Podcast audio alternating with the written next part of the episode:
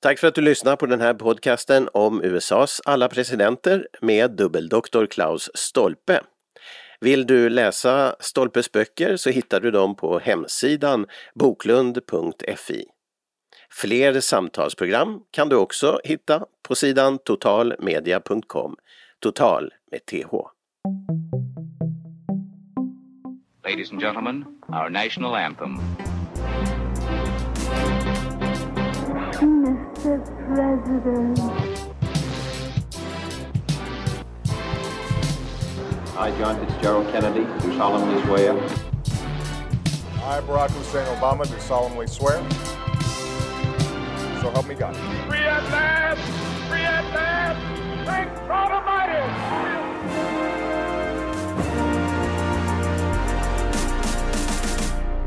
Ja, välkomna till den här podcasten som handlar om USAs alla presidenter. Det är en serie som avverkar 45 olika presidenter. Och hur kan det nu hänga ihop? Eh, Biden som är president när vi gör det här, han är ju nummer 46. Ja, faktiskt kommer vi att förklara det idag. Därför det ska handla om Grover Cleveland, född 1837, dog 1908 och han var faktiskt president två gånger. Och för att berätta om eh, presidenterna i USA så har vi som vanligt med oss dubbeldoktor Klaus Stolpe. Välkommen! Hej, tack så mycket. Japp, och eh, vi har ju tidigare avverkat eh, den här mycket ja, vad ska jag säga, turbulenta tiden kring inbördeskriget och eh, en hel del ganska säga, bottennapp av presidenter i kring Lincoln ju, som är en av de, ja nummer ett. Och nu kommer då ännu en eh, president som eh, vi kanske inte känner till men han är ganska intressant. Han, han är inte så dålig som de andra, i, i alla fall till att börja med.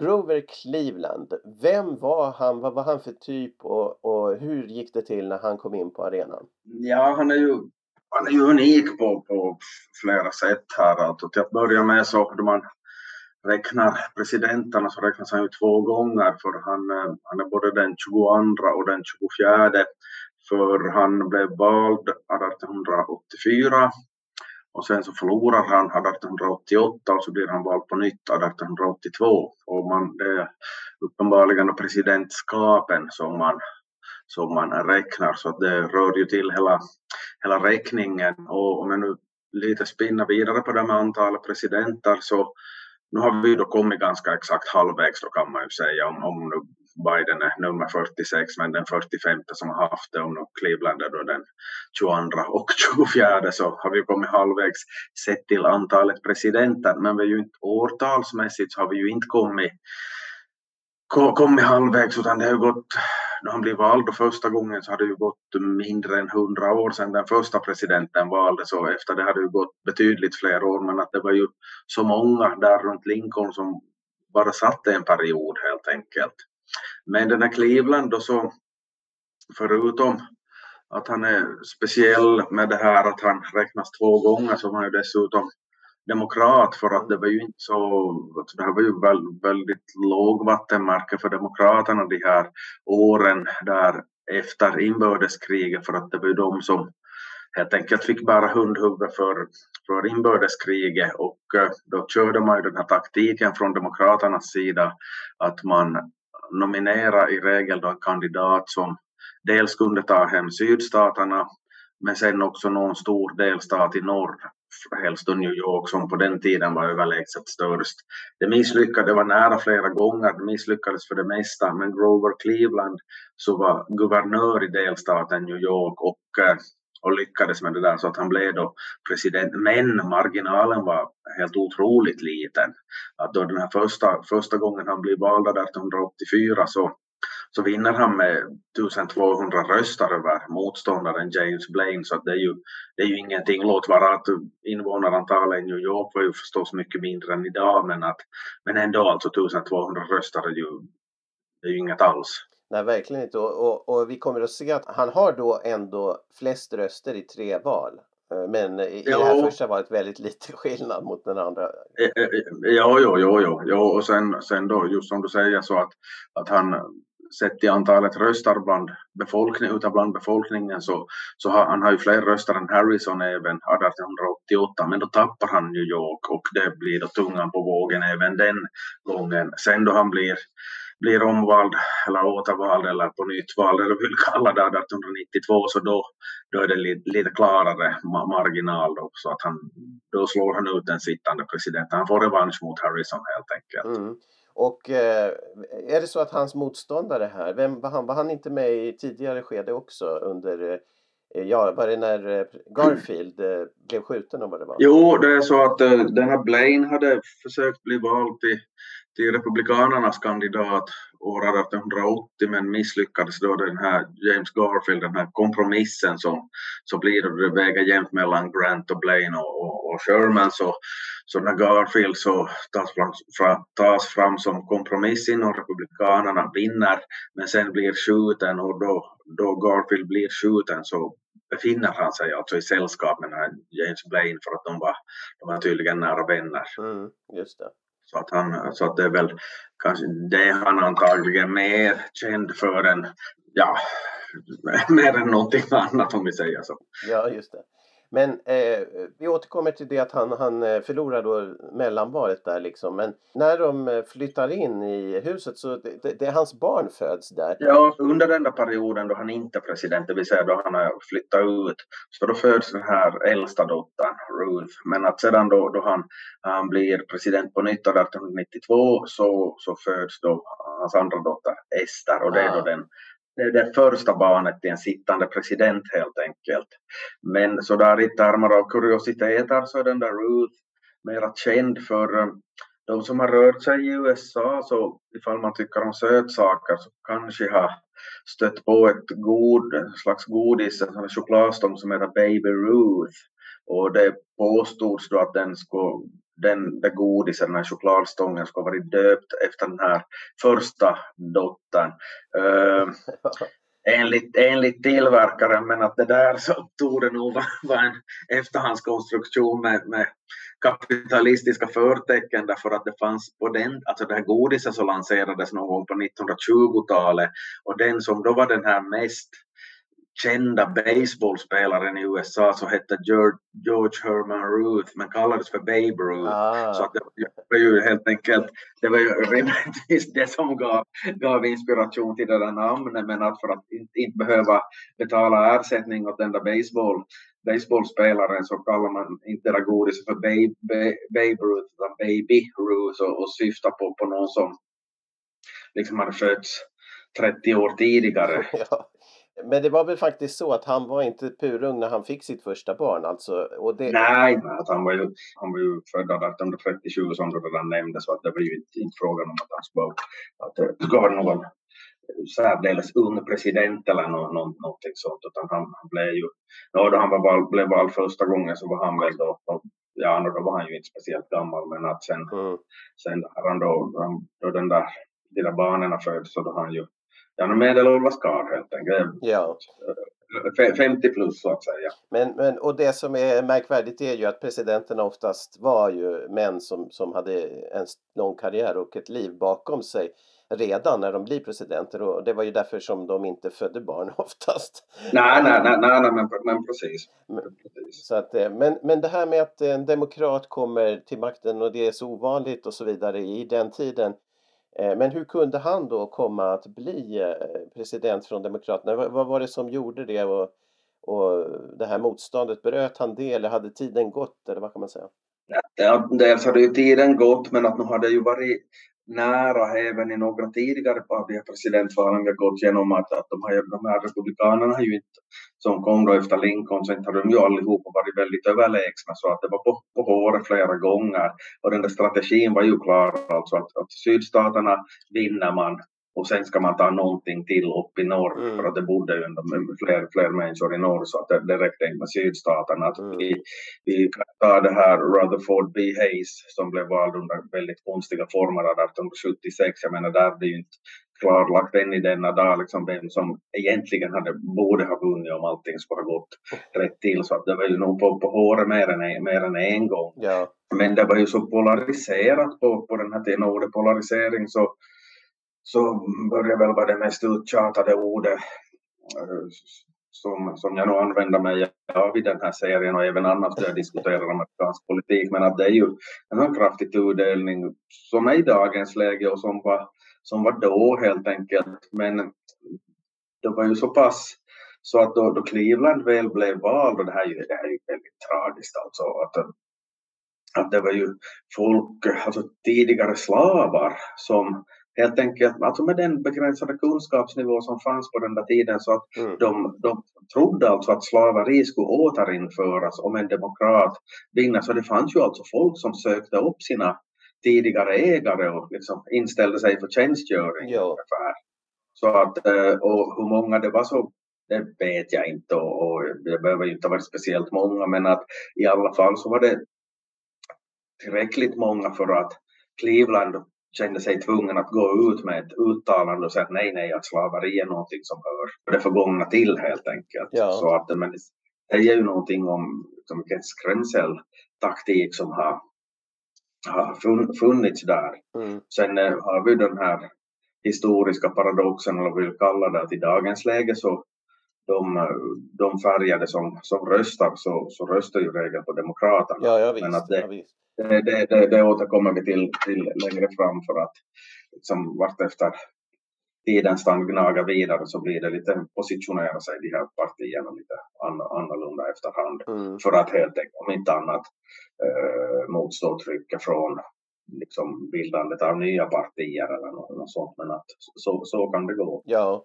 och Demokraterna som, som slavidkande parti, slavvurmande parti, det hade också ändrats och det är väl tydligt när han går ut med det här att, att den, den politiken är kanske på gång att försvinna. Och det är det som är tidens gång menar jag. Att, Jo, jo. Sen är det, ja, det är ju andra saker som kommer in här. Att, att, det, det är liksom frågan om tullar och sånt. Att i norr så, så så nord, nordstaterna var ju mer industrialiserade och det är de ju, det är de ju fortsättningsvis än i denna dag faktiskt.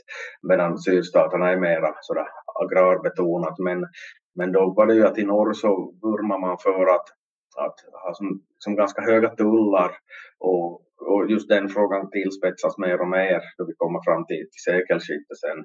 Men att, och för att man ville skydda den industrin som fanns där och i södern så, så, så där ville man helt enkelt ha frihandel för att kunna exportera då framförallt bomull men även tobak och allt sånt, skicka iväg det till Europa och, och göra sig en hacka på, på det hela. Så att eh, eftersom partierna hade då ja, hade den här inställningen att Demokraterna var för frihandel och, och Republikanerna var för höga tullar. Så det var ju helt enkelt så att Södern hade ju Demokraterna som en liten ask. Det var den här betoningen av att delstaterna ska sköta sig själva, det kommer komma en massa ukaser. Men eftersom den räckte så måste man då ha, man kunde inte nominera egentligen sydstatskandidater utan det löndes bättre då att hitta någon sån här stjärna i New York som, som kunde helt enkelt ta hem den stat, delstaten redan på grund av sin personliga popularitet i sagda delstat. Mm, så, sådana saker kom ju, kom, kom, ju, kom ju in där också. Sen sådana här grejer som skulle vara bättre om du intervjuar en nationalekonom att, att sånt här med, som har att göra med huruvida man ska ha guldmyntfot eller silvermyntfot mm. och, eller, eller en blandning av, av de där båda i, i som, som bas för valutan och, och sånt där så, mm. så kunde det också finnas, finnas helt enkelt klyftor inom respektive partier så det var också en sån här fråga som på den tiden rörde till saker och ting helt enkelt. Ja, och det är ju, vi har pratat om det förut med korruption som väcks nu och allt det här med den nya ekonomin i, i industrialismens eh, liksom eh, kölvatten så kommer det nya problem med makt och pengar. Det finns så mycket pengar ju i omlopp och allt det här och skandaler och jag menar samtidigt som eh, yttrandefriheten får, får ju ändå går ju framåt med pressen och allt det här. Ja, eh, ja, ja. Skandaler blir synliga som jag menar på något sätt eh, det som de har brutits ifrån det här engelska kungadömet, där var skandaler liksom, ja, det var orörda ting så att säga, man rörde inte på det. Men, ja. men även, även Cleveland hade en, någon form av skandal i, i, i samma veva som han blev vald, alltså hans motståndare eh, sjöng någon ramsa vad det var om honom. Ja, jo, det, för det var ju det som var ett trumfkort för för Cleveland så var att den här Blaine, då, den här motståndaren 1984, så, så hade varit insyltad i någon av de där skandalerna kring något järnvägsbolag Ja, och Cleveland det, så hade ett, ett sån här eh, ett sån här, så det går ju hand i hand med det som du just sa egentligen Mm. med pengar och problem som kommer där. Cleveland hade ju inte något sånt förflutet men, men då ett tu tre så, så började cirkulera uppgifter om att han skulle haft ett utomäktenskapligt barn och uh, no, det där skulle hans kampanjfolk gå till motattack med. Du vill jag, vill understryka att då var han ännu inte gift med, med den här som var mor till eh, Esther och Ruth om jag nu minns, om jag nu minns rätt ska jag väl säga. Men, men att, att kanske var det då men att det, det liksom gick rykten då om att han skulle haft ett, ett utomäktenskapligt barn och sen så sa Cleveland att host, host att det, det kan ju faktiskt li- ligga någonting i det här. Jaha, men alltså har du en ung eller har du Ja, jag vet inte riktigt för att det var väl, det var väl helt enkelt en, en, en dam som var ganska pigg på flaskan också som hade ett barn men det var oklart vem så det var, det var väl flera karlar som solidariskt sponsorerar mor, mor och son. Och eh, vi, vi kanske inte ska, ja, vi ska kunna frossa i de här detaljerna ganska mycket men vi ska väl lämna någonting åt lyssnarens fantasi också kanske. Mm. Men, Det var flera men som det- kände ett ansvar av något skäl. Ja, på, på något vis. Jo, jo. Eller skuld. Det, det, skuld kanske. det, det, det, det där var diplomatiskt uttryck. Nej, men alltså, så då började, började, började här um, Clevelands motståndare skandera sådana Mama, where's my pa? Mhm. Och, eh, men, men, men eh, fyndigt nog så, så de här Clevelands eh, supporters då stal så att säga den här ramsan med att, att börja, börja svara Gone to the White House, ha ha ha. Så att man liksom byggde, byggde, byggde, på det där, byggde på det där rimmet och, och slog undan benen för, för, för det här att man försöker göra narr av ja, Clevelands ja, ja, du vet, intima affärer så att säga. Mm. Och, och smutskastning ser vi ju här som, som, som vi, väldigt tydligt idag också. Som vi egentligen har vi sett av och till sedan Andrew Johnsons tid eller, eller så eh, eh, Jo, jo, jo, jo. jo faktiskt. Men, men det, det, det, det ökar ju hela tiden. Men, men eh, annars var ju Cleveland väl en rättskaffens person. Att han hade väldigt respekt för det här med den offentliga tjänsten och det offentliga uppdraget och så här, eller hur? Ja, jo, så var det nog alltså det som han nu eh, liksom profilerade sig med, vilket han också var medveten om att han var väl, han sa rakt ut att han upplevde att han var bättre på att förhindra dumma saker från att inträffa snarare än att vara så kreativ med, med, med nya grejer. Mm. Och det blev, blev ju liksom ett problem under hans andra mandatperiod. Men att en, han, han eh, använde sig av en slogan i det här första valet då som, som, som löd Public office is a public trust. Mm. Och det där är tyvärr lite svårt att, att översätta men alltså det betyder alltså att en, en post inom det offentliga, alltså public office, så innebär ett förtroende från offentligheten. Mm. Men att det blir som platsigare på, på, på, på, på engelska och, och, och då hans kampanjfolk, den här personen då som hade liksom lanserat det där, den där sloganen så hade helt enkelt gått igenom liksom vad Cleveland hade, hade sagt i olika sammanhang och kom fram, summerade i det där så att Cleveland frågade, "Nå, men alltså när, när skulle jag ha sagt någonting sånt där? Så svarade han helt enkelt massa gånger, men på lite olika sätt. inte just den där, in, inte just den där Formuleringen. men- formuleringen, men, men att, att det, är ändå det, som, det, är det, som, det är ändå det som du har sagt gång efter annan, gång efter annan. Mm. Bara med flera ord och, och, och i och för sig så det, det, det, det, stämde, det stämde ju helt enkelt för att det, det var nog liksom, vill man summera vill man summera vad han hade sagt i en massa olika sammanhang så att det var inte, det var alltså inte, inte liksom in, inkorrekt att, att, att använda en sån där slogan, Ver, verkligen inte. Men han, han, eh, han fram, det framtonar ju som en, en byråkrat helt enkelt. En person som förvaltar, en person som håller ordning. Eh, men inte är så kreativ som vi kommer att se. Eh, ja, han får lite problem i sin andra period. Och, och dessutom, Ja, ja. Eh, han, han var inte så lyckosam med sin rådgivning till en ung pojke som, som han, sa, som han gav, avrådde från att bli president. Det var ingen framgångsrikt Nej. råd direkt. Ja, nej, det där stämmer, det stämmer faktiskt. Det, det var så att man hade haft några man har haft besök, besök i Vita huset av några familjebekanta och så, så hade, så hade de där, där besökarna enligt vad som sägs haft då sin femåriga son med och, och sagt att, att lille vän att du blir stor så gör vad du vill men att försöka, försök inte att bli USAs president åtminstone för att det här är inte något det är inte kul helt enkelt. Men att det var bara den där lilla pojken som lydde inte hans råd för det var nämligen Franklin Delano Roosevelt som sedan är den som är USAs mest långvariga president. Ja, tre gånger vald. Ja. Fyra, fyra, fyra, fyra till och med. Fyra gånger vald. Ja. Han, han dog ju sen direkt efter den där fjärde ja, gången, näst, nästan i alla fall, men i alla fall att han vann ju till och med fyra gånger. Så att... Mm, ja, otroligt, men skojig, skojig anekdot. Men, eh, men alltså, eh, vad är det som händer då? Und, under hans period när han sitter första gången så är han väldigt aktiv med att, att stoppa lagar alltså. Och vad beror det på? Det är en helt enormt rekord han har.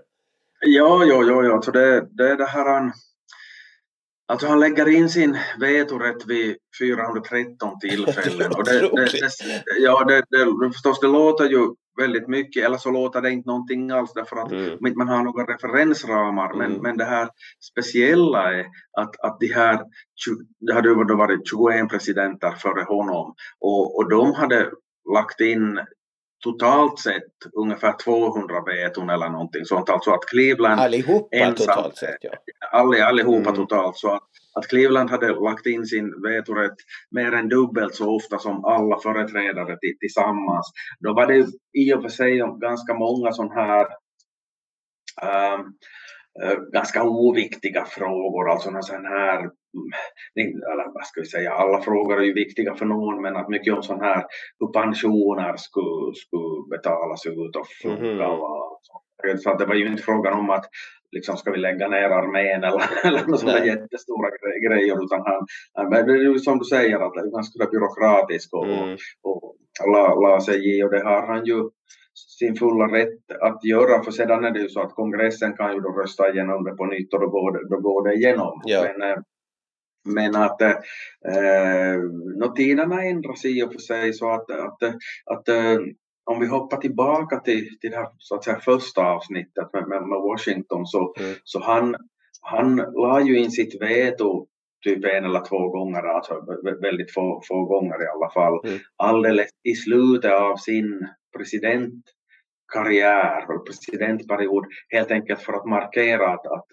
det är helt okej okay att presidenten kan göra så här, att, han kan, att det ska inte bli en död bokstav i lagen. Mm. Likadant det här med att benåda fångar och så vidare, så, så benåda, benåda Washington och fångar där på, eller några fångar där på, på, på slutet och det var alltså inte någon sån här direkt uppseendeväckande i någonting annat än att, att man ville markera att, att det finns ju en sån här möjlighet också. Mm. Ja. Så att, men, men, men att det är ju naturligtvis att allting som någon gör som avviker väldigt mycket så är ju anmärkningsvärt och det är ju klart att om, om nu någon då i det här fallet Cleveland lägger in sin vetorätt dubbelt så många gånger som 21 andra presidenter. Så det är ju klart att det är anmärkningsvärt. Likadant som om han skulle ha, eh, han eller någon annan skulle ha, vad ska man hitta på, benåda betydligt fler fångar än alla andra så skulle det också ha varit. Men att det här var ju så pass eh, uppmärksammat uppenbarligen på, på den där tiden så det fanns till och med någon sån här barnramsa.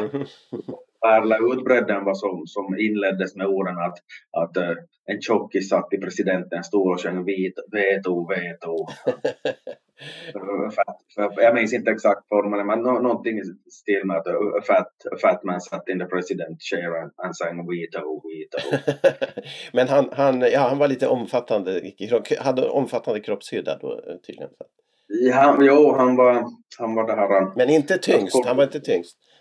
Nej, han var kort och tjock men att just det med att han inte var så himla lång så, så vägde han inte tyngst för att den, ska vi, den killen ska vi komma in på ganska snart för det är William Howard Taft som då valdes 1908, det vill säga inte så långt fram i tiden. Mm. Så att det var då, då USAs tyngsta president, men han var ganska stor sådär, sådär annars, men att, att Cleveland var då, ska då ha varit näst tyngst. Men att om man skulle börja räkna ut något vad heter det, body mass index så kanske Cleveland var fetare i och med att han var kortare till växten. Men att, eh, att eh, Cleveland så det, det är alltså ingen, ingen hemlighet att han liksom gillar öl och cigarrer och sånt där och det ser ju som ett högst mänskligt drag i och för sig men Mm. att han, han är ibland, att han är definitivt inte någon sån här renlevnadsmänniska utan han, han är ibland utpekat som den av USAs presidenter som har levt mest ohälsosamt. Det, det, kan man, det kan ju vara en sanning med modifikation för att vi ser den här, åtminstone Franklin Pierce som var, blev vald 1852 så söp ju rätt mycket till exempel. Ja, just det. Mm. Att, eh, men att det är klart att om, en, om man liksom har den här karikatyrbilden av någon fet gubbe som sitter med ett ölstol och röker cigarr så att det, det framstår ju inte som att han håller på att träna för Stockholm Marathon direkt. Nej. Men, det, nej, precis. Men det framtonar en, en eh, bild av en, som sagt, byråkrat, en nitisk person som försöker göra allting rätt. Det, dessutom, det sa han om sig själv. Jag har försökt göra allting rätt sen han summerar hela det här, eller hur? Eh, Det lär vara hans sista ord. ja, okej, just det. Mm. Allting som jag säger här så, så, så borde, jag väl, borde jag väl det här säga att sägs det. Ja. För att det, det, det här, för man vet ju, vet ju aldrig, vet ju aldrig riktigt men att, eh, men att han, att jag har försökt så, så mycket att gö- göra, att göra rätt helt enkelt. Att un, ungefär så ska det, ska vara det han sa på dödsbädden. Mm.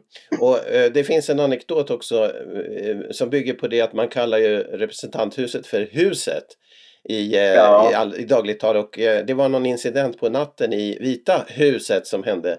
Ja, Alltså det, det kallas då för the house. Eller, och det, då, kongressen är indelad i senaten och, eh, och representanthuset, eller huset då, som man i USA säger i dagligt tal. Och, eh, och det, här, eh, det var så att eh, det var lite olika sammansättningar i de där respektive kamrarna så att den här Cleveland hade åtminstone tidvis svårt att få igenom sina förslag i senaten och kunde vara då väldigt väldigt frustrerad och då kanske han la in sitt veto då inte, det inte gick att handskas med det men att det, det sägs då att den här presidentfrun ska ha vaknat och hör några konstiga ljud och tror att någon håller på att bryta sig in och börjar skaka liv i karln. Grover, Grover att vakna. Det är tjuvar i huset. Och, och han, han då kvicknar till att man får inte sova i fred. Men tjuvar i huset. Nej älskling, möjligen i senaten men inte i huset. Just det. Och jag struntar i om det stämmer. Jag tycker det är ganska kul. Ja, det är roligt. Han var, han var stressad helt enkelt. Tydligen ja. Tydligen ja. Men eh, ja, eh, så blir han ju omvald då och eh, i nästa val förlorar han. Och, eh, men de räknar med att komma tillbaka. Hans fru säger till Ja, tjänstefolket. frun, frun åtminstone för att han själv så var väl ganska fed up i det skedet men att han kanske inte hade så mycket att säga till om med vissa saker för att, att då, då, de, då de far iväg då så säger, sä- säger frun åt, åt den här som är, ja om det nu är den som är ansvarig för, vad vet jag, serveringspersonalen eller tekniska sidan eller vad de har det där men att, eller att instruera tjänstefolk att se till så så, så ni håller det här huset i skick nu för att vi, så, så, det, så det som vi vill ha det sen då vi kommer tillbaka. Mm. Ja men att när kommer ni tillbaka? Att liksom ska ni komma och hälsa på och sånt där. Om fyra år flyttar vi in på nytt. Och det, det hade hon ju rätt i. Dels förlorar han rätt lite med, med marginal då när han, han åkte ut efter, i andra omgången. Eller?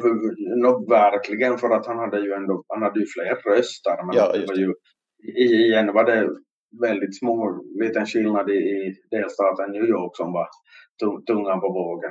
Men jag undrar, var det känslan att han var en ganska duktig president? Alltså omtyckte hur, hur hon kunde eh, känna så att vi kommer tillbaka. Det var någon slags stämning där att Cleveland var en av de bättre presidenterna helt enkelt. Man ville ha honom. Ja, alltså, under den första perioden, men, men sådär i...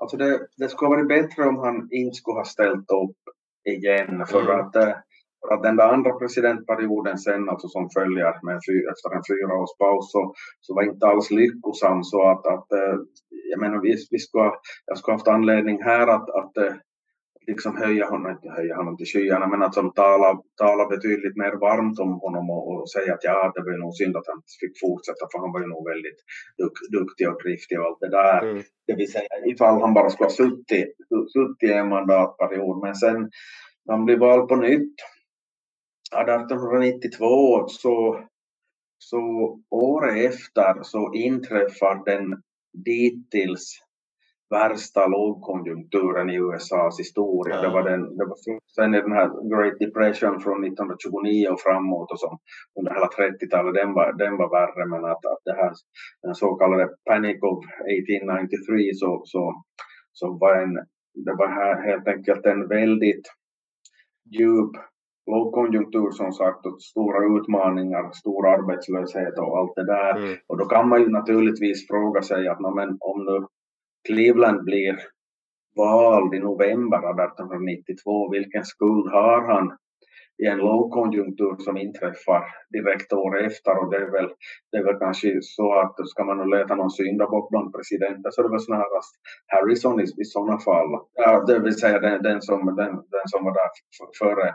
Men sen är det en annan sak att Cleveland var ganska handfallen och, och, och det var ganska hårdhänta tag om någon började strejka och allt sånt där. Att det var någon poststrejk var han liksom hotade att kalla in militären och, den, där, den där stilen. Så att han framstod dessutom som, som en ganska känslokall Ja, pe- person och dessutom som vi har, som har sagt tidigare, att, eller kom, framgått tidigare att, att han var kanske inte så kreativ med att hitta på någonting nytt, att bättre på att lägga in sitt veto och stoppa, stoppa sånt som han tyckte var, var dumheter helt enkelt. Mm. Men, men, det- men det här, därför så var han väl nog inte, inte på, riktigt på, helt enkelt på rätt, rätt plats där under den senare mandatperioden, uppenbarligen för jag får en känsla av att han kunde ha varit en av de liksom främsta faktiskt, eller duktigaste ämbetsmännen. Som,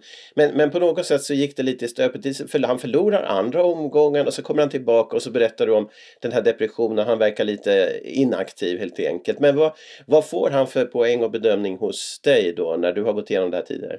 Ja, alltså, han han är ju inte någon av de verkliga katastroferna, det kan man ju inte säga därför att, att det finns ju verkliga klantar i den här presidenthistorien. Ta nu det som var där kring, kring, kring inbördeskrig och så vidare. Men att nu, det är ju klart att nu hamnar han ju liksom lite så grann sådär på nedre halvan eller vad vi ska, vad vi ska kalla det. Men att, eh, men att en, en, ändå att skulle han ha val, skulle han ha nöjt sig med en mandatperiod, eller vi säger att han skulle ha vunnit 1888, Mm. så då skulle han lämna, då kan vi ju inte veta att skulle det ha blivit en, skulle det ha blivit en, en lågkonjunktur i alla fall, det, det kan vi ju inte veta. Nej. Det är möjligt, det är möjligt att det, det kan ju hända att den ska bli ännu värre, men det, om den ändå ska associeras med den som sen ska ha blivit vald 1892 så ska man ha saligen glömt bort det så att det var eh, hans plats i presidenthistorien så, så det var nog absolut ingen överdrift att säga att, att, att han vann 1892 så var helt enkelt ganska olyckligt för hans eget eftermäle helt enkelt. Ja, jag förstår. Ja, men eh, intressant. Eh, eh, staden Cleveland, har det någonting med honom att göra? Det lär vara någon, alltså nej egentligen inte.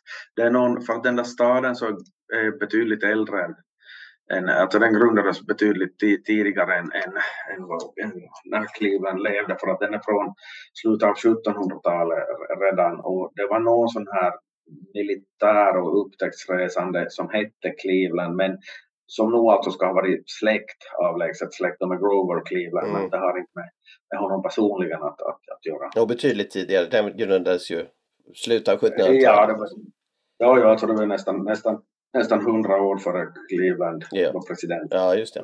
Ja, men vad bra. Vi har kommit halvvägs så vi kommer säkert att ha lite uppföljande eh, avsnitt nu när man tittar tillbaka på alla presidenterna vi har avverkat då. Eh, vi kommer till mittenpresidenten här näst eh, 23. Mm. Ja, vi passerar den här mellan 22 och 23 kan vi säga. Och den, Mm. den eh, inte i tid men i antalet presidenter. Och Benjamin Harrison är nästa gång och eh, vad kan vi säga för kort om, om eh, honom? En, en, en glö- bortglömd president igen, eller?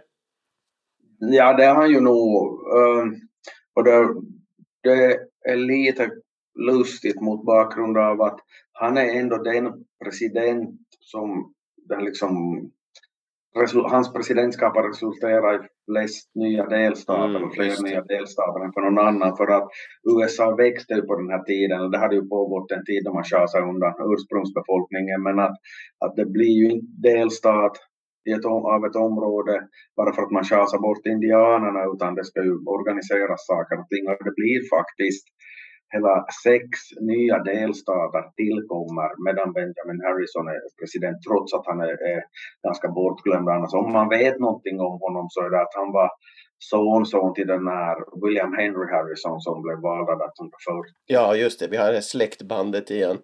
Eh, ja, Mm. men spännande grejer och nu eh, vi rör oss mot 1900-talet här eh, eh, med en eh, lagom takt i lagom takt och vi har alltså kommit Mm. till hälften av presidenterna. Eh, jag säger grattis och tack till dig så länge Klaus så hörs vi snart igen. Okej, tack så mycket.